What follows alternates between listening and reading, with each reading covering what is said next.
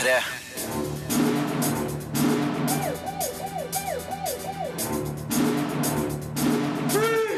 Filmpolitiet! What's your name, dude? Birger Vestmo. What kind of stupid name is that? The Expendables 3 er som å bli slått med slegge to timer i strekk. Lykke på italiensk er en vakker skildring av ny fattigdom. What If er en koselig komedie med en naturlig Daniel Radcliffe. Boyhood er en enestående oppvekstfilm som gjør meg yr av begeistring, mens Let's Be Cops er den dårligste filmen kollega Rune Haakonsen har anmeldt. Så man kan trygt si at dagens premierefilmer er av varierende kvalitet. Vi loser deg gjennom tilbudet, spår hvem som vinner de viktigste Emmy-prisene natt til tirsdag, presenterer høstens mest spennende spill og mye, mye mer. Filmpolitiet anmelder film. So our plan is to kick down the door and start spraying bullets.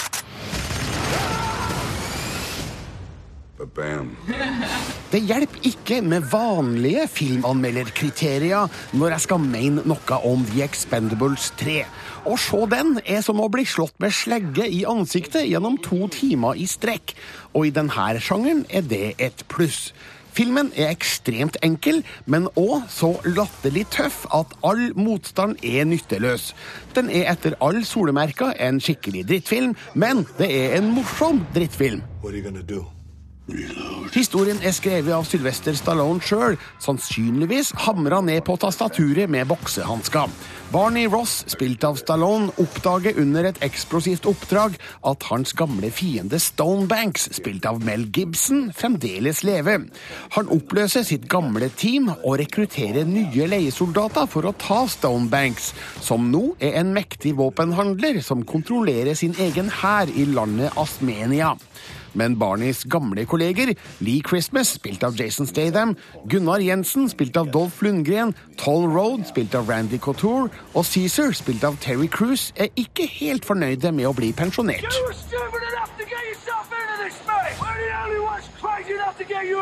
Filmen går hardt ut med en spektakulær redningsaksjon på et tog for å hente det gamle Expendables-medlemmet Doc, spilt av Wesley Snipes, som er et vellykka tillegg til det gamle persongalleriet.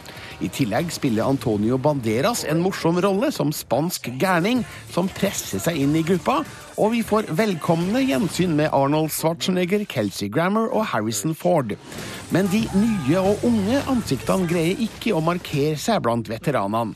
Verken Kellen Lutz, Ronda Rousey eller Victor Ortiz får nok tid eller dialog til å bli fullverdige tillegg, og rekrutteringa av dem gjør at filmen mister tempo ca. midtveis. Men når regissør Patrick Hughes sparker i gang actionsekvensene, gjør han det med smell og brak i alle kanaler. Her er det ekstremt mye action, som er velgjort og med flere imponerende stunts. Det skal likevel sies at det merkes smertelig godt at The Expendables 3 ble laga med tanke på 13-årsgrense i USA. Det fører til rotete og kjapp redigering for å unngå å vise voldens konsekvenser. Det gjør filmen litt balleløs. Det ironiske i norsk sammenheng er at filmen likevel beholder den samme 15-årsgrensa som de to forgjengerne hadde, siden vi ikke har 13-årsgrense, og filmen er for voldsom for 11-åringer. Til tross for flere svakheter i filmen, bl.a. noen dårlige digitale effekter og en suppetynn historie, så klart, er det likevel mye å sette pris på her for en actionelsker som meg. Den har vegg-til-vegg-action med høy body count, enorme eksplosjoner og et skikkelig aggressivt lydspor som føles i brystkassa. Mel Gibson ser ut til å trives i skurkerollen, der han lar galskapen få fritt spillerom, og den interne kjeklinga i Expendables-gjengen er fornøyelig. Dessuten inneholder filmens klimaks et skikkelig cheesy Stallone-sitat som tangerer hans beste, skråstrek verste, øyeblikk fra 1980-tallet. Så det her er godkjent actionføde med en sterk aim av popkorn, men neste gang må han lage enda hardere action.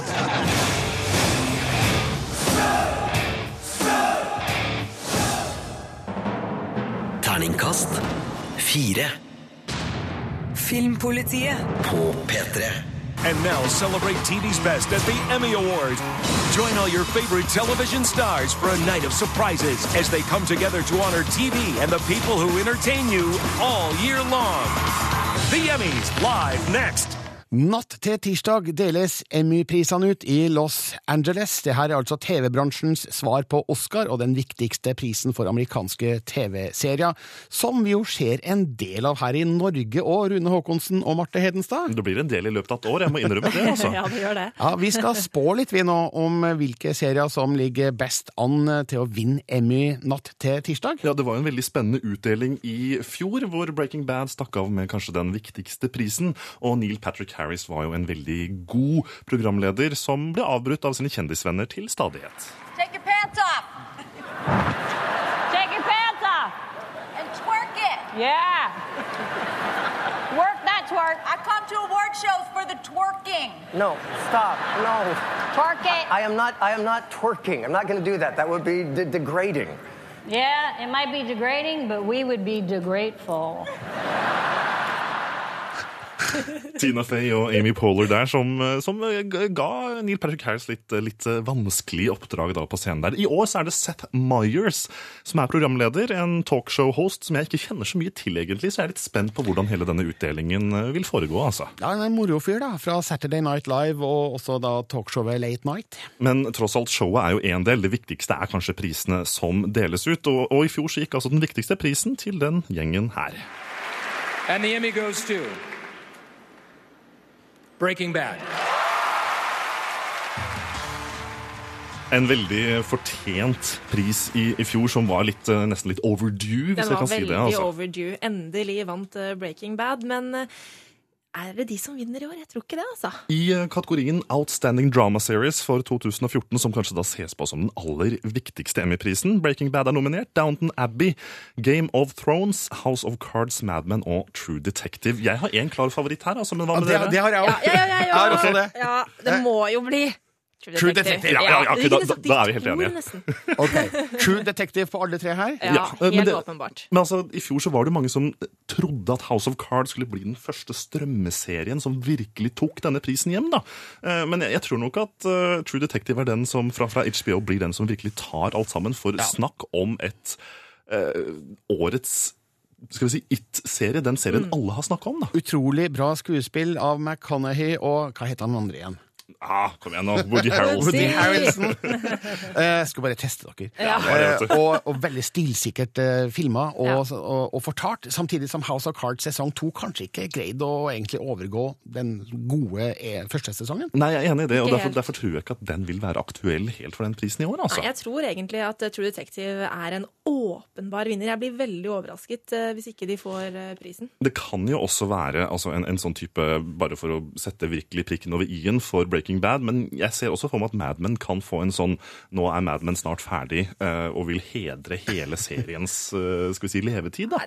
Men altså, de har fått, altså, Mad Men har fått så mange priser opp gjennom åra. Det er en skandale hvis de skal få en avskjedspris foran eh, True Detective, som er en fantastisk serie. Hva med din favorittserie, Marte? Game of Thrones. Har den noen som helst sjanser? Nei, jeg tror nok dessverre ikke det i den Nei, kategorien. Kurven peker litt nedover der, gjør den ikke det? Jeg syns fortsatt at serien holder et toppnivå, men eh, den var kanskje ikke den siste sesongen var kanskje ikke helt like bra som den foregående. Vi tror altså på True Detective i, i dramakategorien, men vi må bare kort ta for oss eh, komikategorien også, som er kanskje den andre store hovedprisen for serier sånn generelt.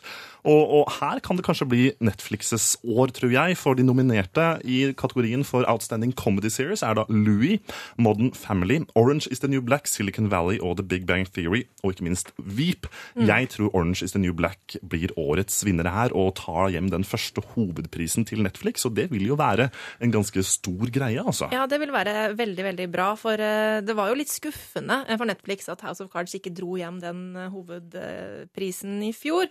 Den eneste nye på de nominerte, de nye seriene på de nominerte her, det er Silicon Valley. På komiserien, ja. Ja, på komiseriene. Jeg tror ikke at den har en reell sjanse til å hevde seg her, egentlig. Jeg liker serien veldig godt, da.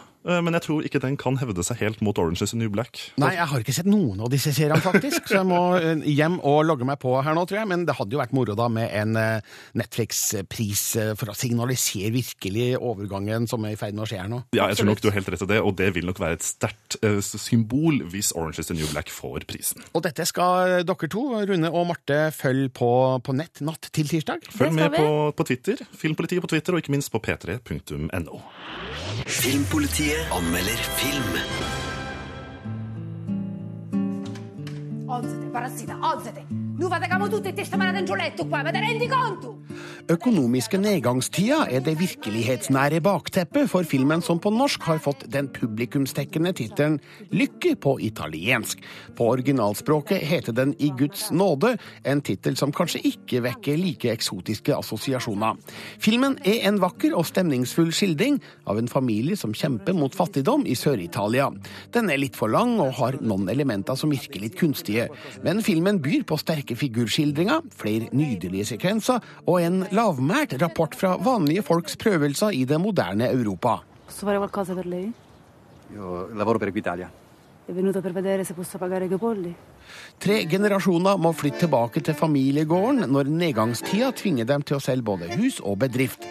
Adele, spilt av Celeste Casciaro, sliter med å få skikk på gården.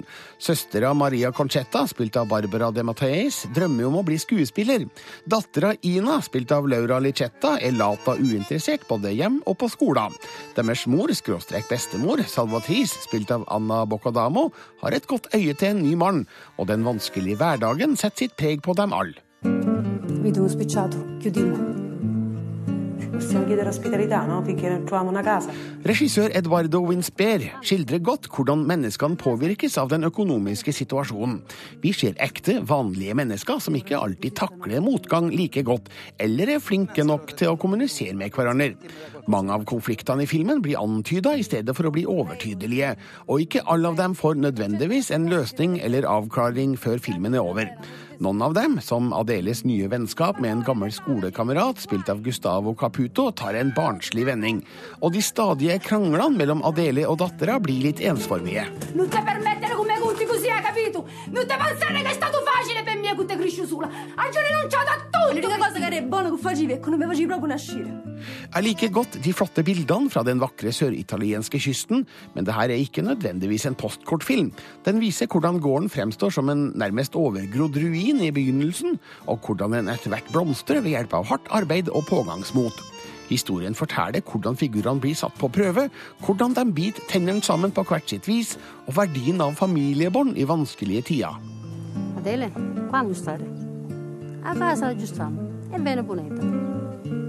Lykke på italiensk er godt spilt, der Celeste Casciaro, som for øvrig er gift med regissøren, imponerer mest med sin sterke tolkning av Adele. Hennes sinne og bitterhet kan bli litt mye i perioder, men det er lett å forstå hvor det kommer fra. Filmen er nydelig fotografert, med effektiv bruk av lydeffekter i noen stemningsskapende scener, og har en behagelig tone, sjøl om historiens tema og budskap er alvorlig nok.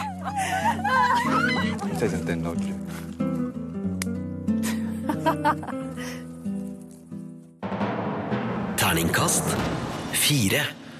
Premierefilmen Lykke på italiensk er regissert av Eduardo Winsper, og handler altså om en families økonomiske nedtur i Sør-Italia.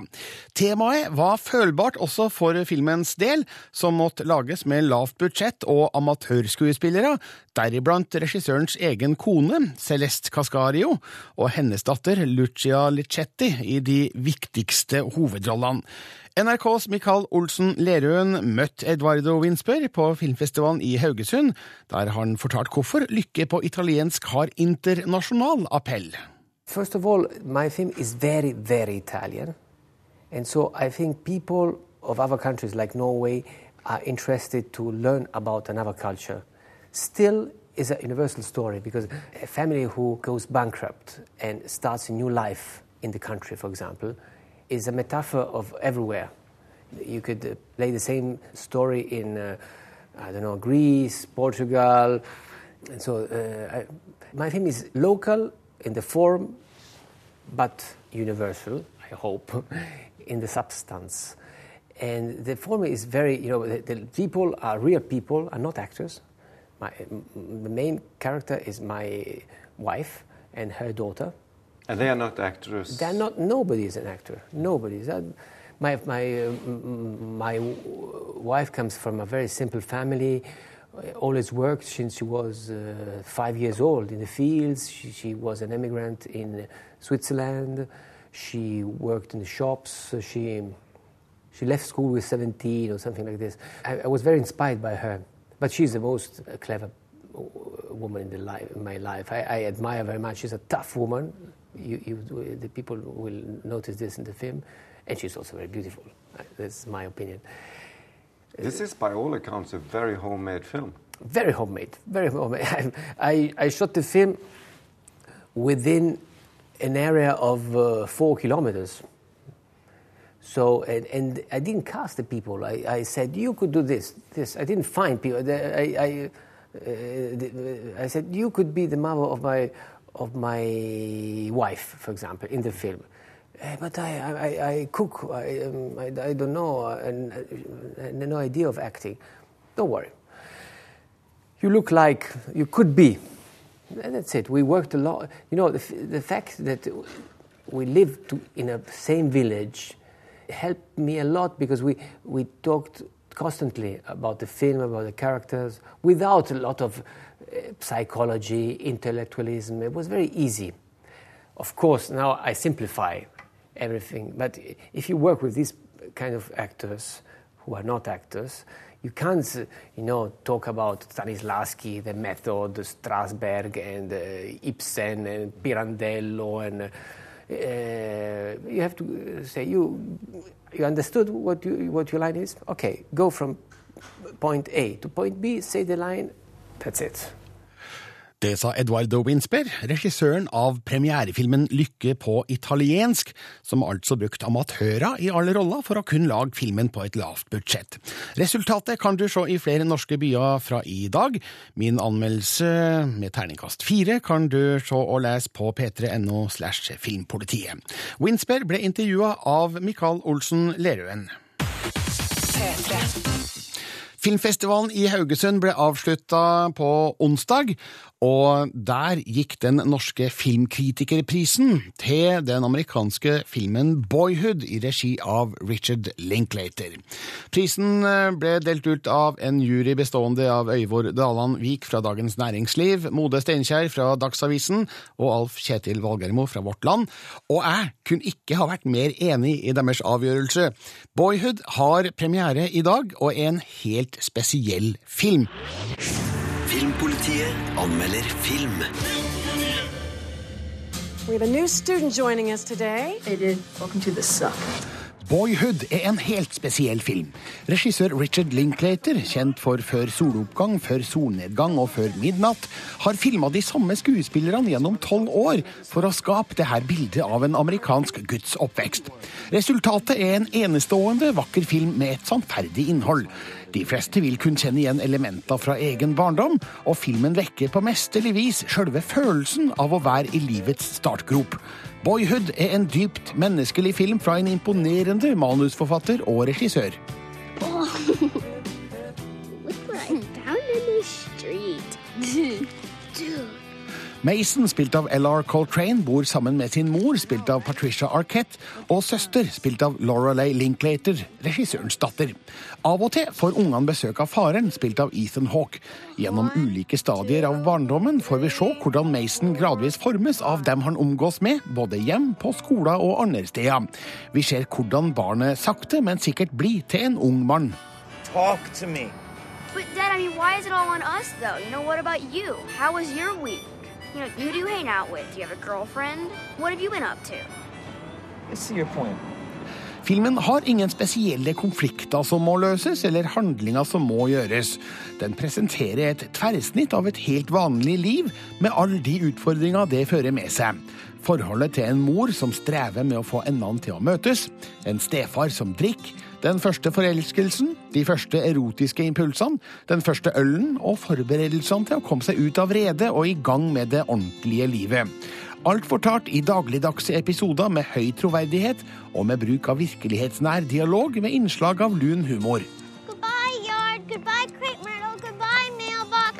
Goodbye, box of stuff mommy won't let us take with us, but we don't want to throw away. Linklater har altså brukt tolv år på å filme de samme skuespillerne, hvilket er en genistrek av de sjeldne, samt en idé som forteller noe om hva slags filmskaper Richard Linklater er. LR Coltrane gjør en fantastisk hovedrolle, som gjør at jeg føler et emosjonelt bånd til Mason og hans oppvekst. Tidshoppene annonseres ikke, men vi ser umiddelbart at han har vokst og forandra seg siden forrige scene. Hvert nye hopp gjør meg nysgjerrig på hvordan det her uttrykksfulle ansiktet utvikler seg videre. Også Patricia Arquette, Lorelei Linklater og Ethan Hawke gjør gode roller, der vi ser og føler familiebåndene som knytter dem sammen. De fremstår ikke som figurer, men som ekte mennesker. Let me go. Hey, stop! Put the barrier Boyhood sier noe om hvordan det er å vokse opp, og hvordan vi blir de vi er. Den gir oss bilder av søskenforhold som de fleste har opplevd, og forhold til mødre og fedre som vi har eller har hatt. Og historien styrkes av at Linklater har kunnet bruke tida som medhjelper. Det her er intet mindre enn et mesterlig fortalt stykke filmkunst, som fikk meg til å smile fra øre til øre i kinosalen. Boyhood er modig, bevegende, inspirerende og gledende. Den varer i to timer og 45 minutter, hvilket er akkurat passe.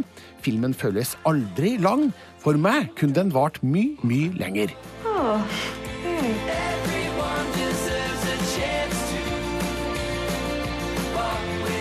What do you want Mason? What do you want?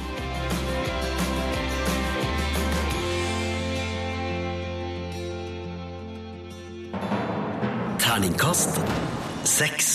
Boyhood har altså norgespremiere i dag, men ikke på Oslo kino pga. en konflikt mellom dem og distributøren UiP. Heldigvis kommer Cinemateket i Dronningens gate i Oslo til unnsetning og viser Boyhood fra og med i morgen, og den er vel verdt et besøk. Gjentar terningkast seks. Filmpolitiet. Dette er P3.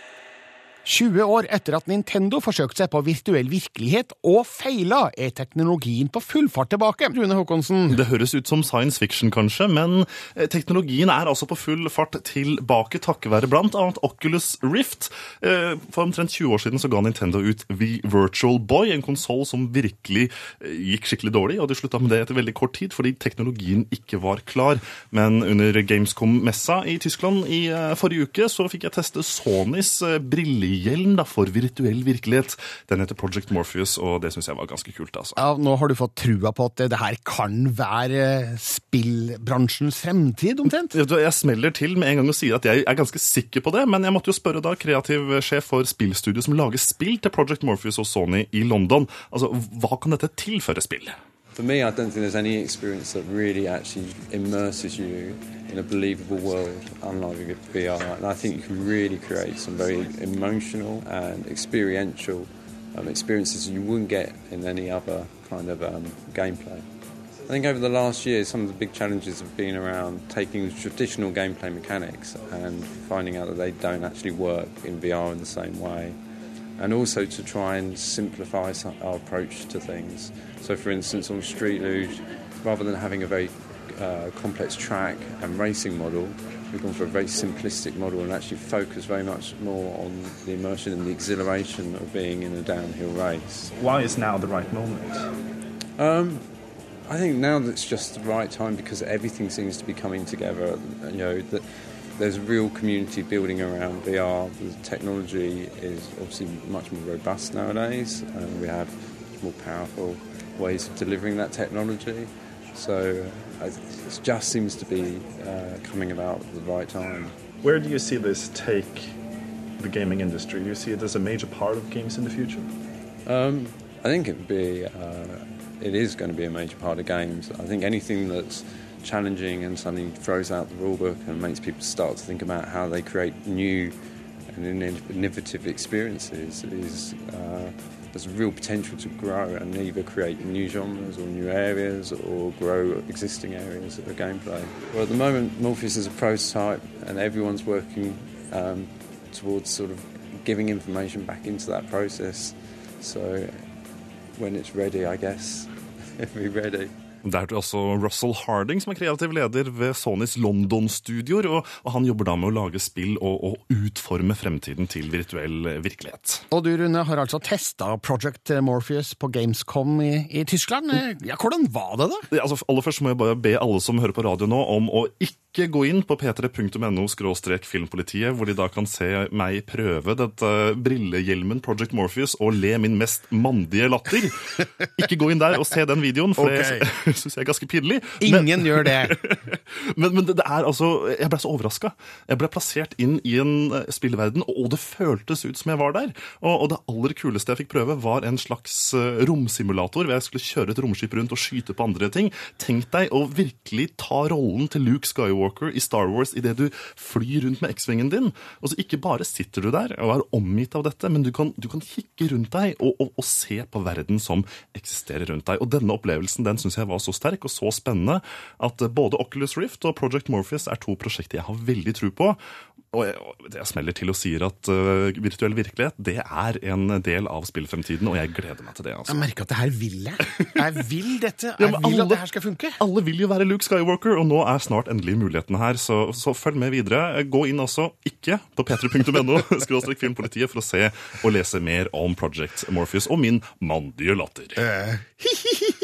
Takk, Rune. Filmpolitiet anmelder film. Ja, Marte Hedenstad, du har vært på kino og sett en romantisk komedie. Det har jeg, vet du. Ja, du elsker det. Ja, jeg Bare si det elsker med en gang. romantiske komedier. Det Ja. er min greie. Nå eh, heter filmen eh, What If. Premiere i dag, Ja. og med en helt spesiell fyr i hovedrollen. Mm, nemlig Daniel Radcliffe. Selveste Harry Potter har endelig blitt voksen og skal kaste seg ut i andre typer filmer, denne gang da en romantisk komedie. I'm gonna give you my number. We should hang out. Yeah. My boyfriend will be worried about um, what happened to me. So, friends? Yeah, why not? All right. Friends. Is this always how you make friends? Like it's a business deal? Yeah, actually, it's just my style. Okay, it's quite unnerving, but it's good. Hva er greia med What If, Marte? Hva handler det her om? Ja, Greia med What If det er at eh, den tar opp det evige spørsmålet da, som blir tatt opp i mang en romantisk komedie opp gjennom tidene, nemlig kan en gutt og en jente være venner uten at det da skal skje noe mer mellom dem? Svaret er selvfølgelig nei, ifølge, ifølge alle romantiske komedier som noensinne er laget. Ja. Um, og Daniel Radcliffe han spiller da Wallace, som eh, forelsker seg i Chantry, uh, som er uh, spilt av Zoe Kazan. Eh, Men hun har selvfølgelig kjæreste. Og så går han da i denne vennefella. Han eh, går med på å bare være just friends.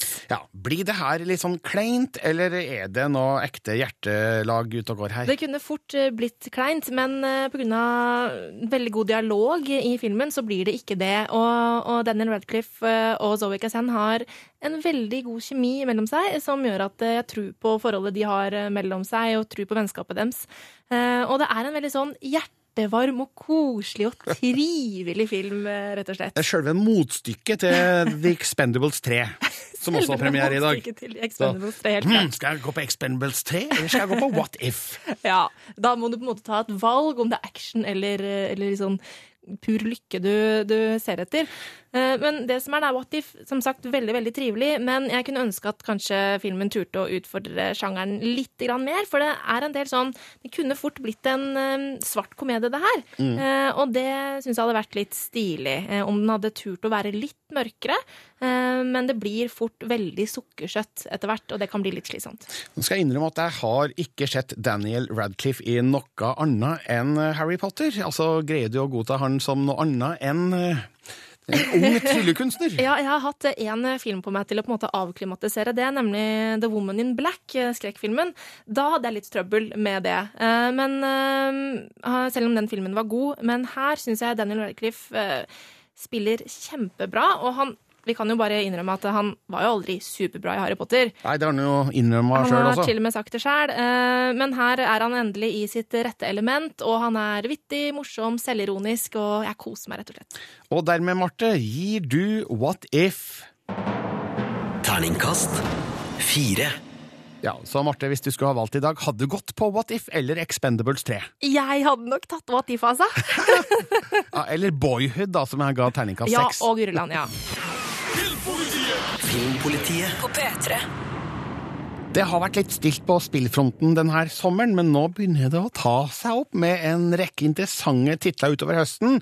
Nå blir det bra, Rune og Marte. Ja, vet du, Jeg gleder meg så voldsomt. jeg. Det er jo sånn at Spillutslippene kommer gjerne i litt sånn bølger. sånn om, Mm. Rundt eh, etter jul og utover og på nyåret så er det stille, og sommeren er helt stille. Men det betyr at det blir noen intense perioder, og vi går nå inn i en av de mest intense som jeg noensinne har opplevd, egentlig. Eh, Dere har begge valgt eh, noen favoritter fra det som skal komme. Mm. Og Marte, vi starter med deg, og din første tittel er Destiny. I know what you're about to do. It's brave. There are enemies out here you would not believe.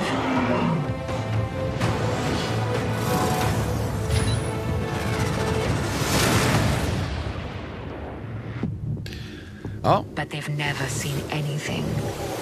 Ja, ok, helt ferdig. Nei, nei, er det ferdig! Nå er det ferdig! Du må ikke ødelegge trailer, trailerlyden, Birger. Unnskyld. Det er storslagent og flott, ikke sant? Ja, det her er jo da fra spillutvikleren Bungie, som jo Ja. har skapt eh, historie tidligere, da de kom med Halo i 2001. Mm, mm. Og nå prøver de igjen, Marte. Ja, absolutt. Eh, Destiny og har jo, Bungie har jo sagt om Destiny at eh, de har lyst til å revolusjonere skytespillsjangeren. Og det er jo helt vanvittig store ord. Og, og det er ikke sikkert at de klarer det, Nei, men de har tatt ikke. inn elementer av både rollespill og online-spill for å skape en litt sånn ny skytespillopplevelse her. Eh, Det, det er ikke et massivt multiplayer online-spill, det er viktig å presisere, selv om det har elementer fra MMO-sjangeren. Eh, Men eh, de sier jo da at de har liksom skapt en ny sjanger, og at dette skal være det beste skytespillet du noensinne har spilt, og sånne ting. Alt sånn det derre er jo- svada som kommer fra PR-avdelingen.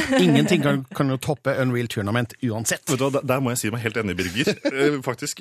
Men, likevel, eh, Destiny har mye kult eh, på gang, og de har jo allerede Mm. hatt en beta ute blant publikum som ble Ja. spilt av nærmest fem millioner eller sånne ting. Så man må jo kalle det litt sånn massivt online-spill, i hvert fall. Ja, men det er måten serverne er lagt opp på og sånn, at det, det er ikke sånn at du er på en server hvor du kan se alle andre spillere. På den måten fungerer fungerer det altså ikke. Marte, du har trua på Destiny. Slippdato 9. september. Og så du da, Rune, har valgt ut Åh, vet du hva? Jeg gleder meg så til fotballhøsten, jeg.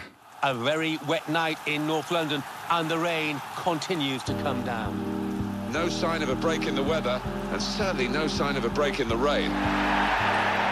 Well, they've gone further behind, and I'm afraid the Her hører vi litt lyd fra kommende store spill. Et av spillene som kanskje flest i Norge og i verden gleder seg til, i hvert fall i, i Europa, nemlig Fifa 15, som kommer 23. september. Ja, Da må jeg spørre, Rune, hvorfor gjør du det? For vil ikke det her være nesten nøyaktig samme som 2014-spillet, som var nesten Ja, nøyaktig som 2013-spillet? Altså, jeg må si, det, det, det, Ja, dere har litt rett her. Og det har vært en, en, en gjentagende kritikk år etter år at IA gir ut nye fotballspill, og så er det ikke så mye nytt hver gang. Men det som er litt spesielt den gangen her, som gjør at også jeg gleder meg ekstra mye til både NHL 15 og Fifa 15, er at det er neste generasjons konsollens skal vi si, virkelige sportsdebut. EA har gjort mye, det ser penere ut, og de har virkelig tatt i bruk de neste generasjons konsollenes muligheter til å lage en, en ny fotballopplevelse. Så i år tror jeg at det blir nok nytt til å rettferdiggjøre et nytt Fifa-spill, og Fifa 15 ser fantastisk ut. Det lille jeg har fått prøve, er altså vært veldig kult, og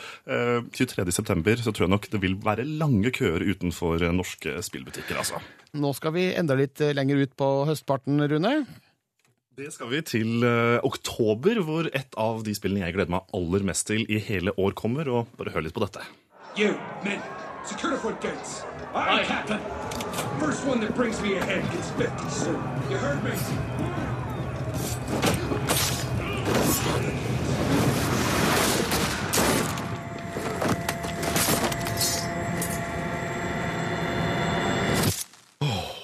Wow! Var det noen som sloss her, eller?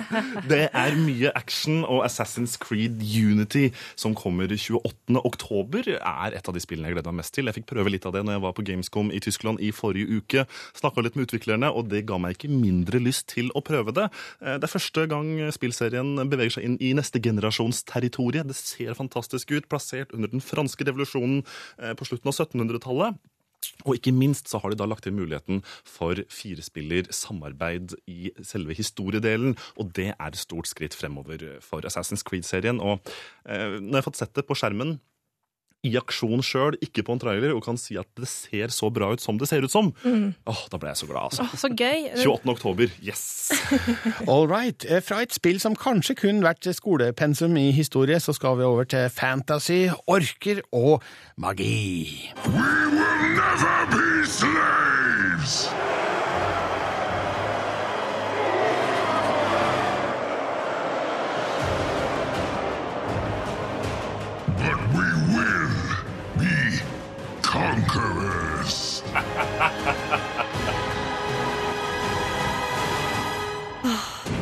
Storslagen. I have been drinking too much whiskey lately.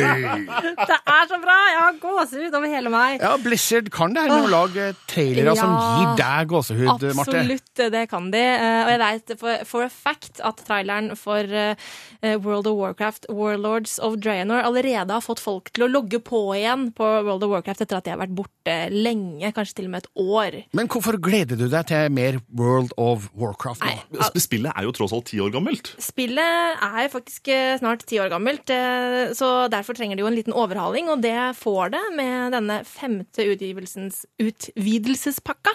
Eh, grafikken den får en overhaling, eh, og det blir selvfølgelig masse nytt og spennende å, å ta seg til.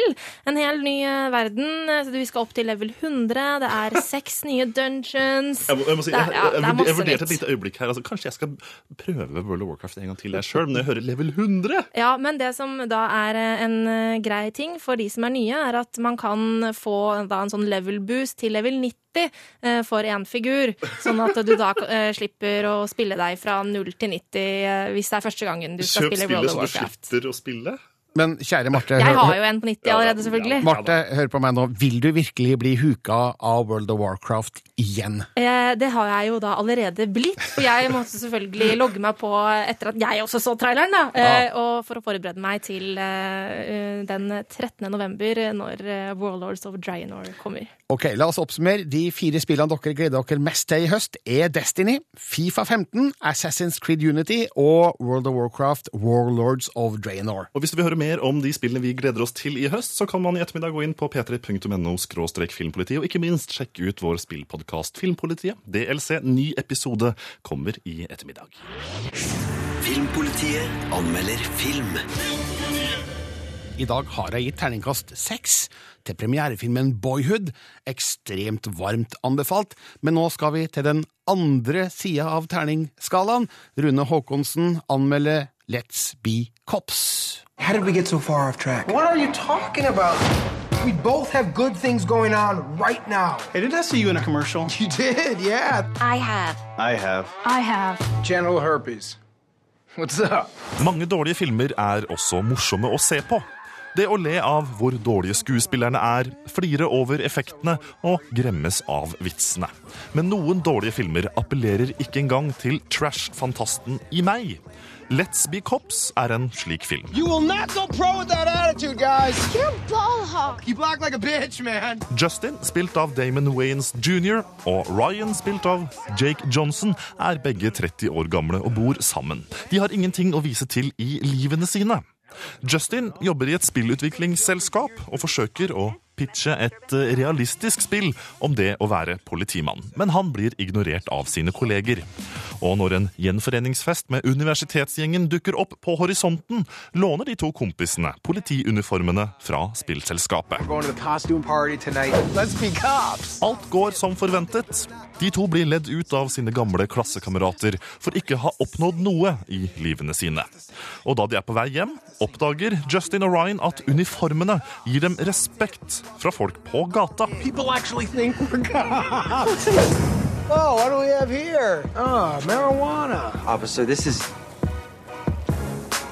Oh, that's ripping. Thank you. Og uten å tenke seg noe mer om, kaster de seg to hodeløst inn i en rekke farlige situasjoner. Som eskalerer til gjengkrig når de pirker borti gangsterne til den gale kriminelle Mossy Kassik, spilt av James Darcy. Utgangspunktet for Let's Be Cops er godt. Med talløse muligheter for situasjonskomikk og tullete actionscener. Problemet er at filmen ikke fungerer i noen ledd. Manuset er ikke morsomt, og dialogen er like slapp som en våt tavlesvamp. Kjemien mellom Waynes jr. og Johnson er helt fraværende, og actionscenene er halvgjorte og lite spennende. Regissør Luke Greenfield har faktisk skrevet, produsert og regissert filmen, men han må jo da ikke ha noe talent. Selv lydarbeidet er så dårlig at den jobber mot filmens iherdige forsøk på å skape latter i salen. Ethvert forsøk på å skape latterøyeblikk faller livløst rett ned i bakken. Oh, that was awesome. Ryan påtar seg stadig dummere og farligere og drøyere politioppgaver, men i stedet for å dytte filmen i en mørkere retning, holder filmen seg innenfor den banale tenåringsfantasien til de to 30 år gamle guttungene. Cop, Ron. He ain't shit. Fuck you, Let's Be Cops forsøker ikke engang å provosere. Den forsøker ikke engang å fortelle gode vitser. Den forsøker ikke engang å vise oss gode actionscener. Den forsøker ikke engang å være så teit at den er litt morsom likevel. Som f.eks. Scary Movie-filmene. Se heller Beverly Hills Cop. Se Superbad, se Observe and Report.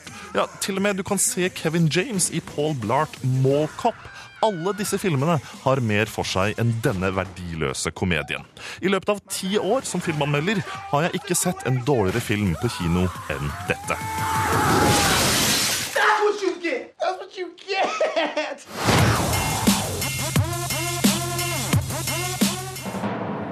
Terningkast 1. Let's Be Cops ble anmeldt av en nådeløs Rune Haakonsen. Filmpolitiet. Les mer om film, spill og serier på p3.no Filmpolitiet. Hør flere podkaster på nrk.no podkast. P3.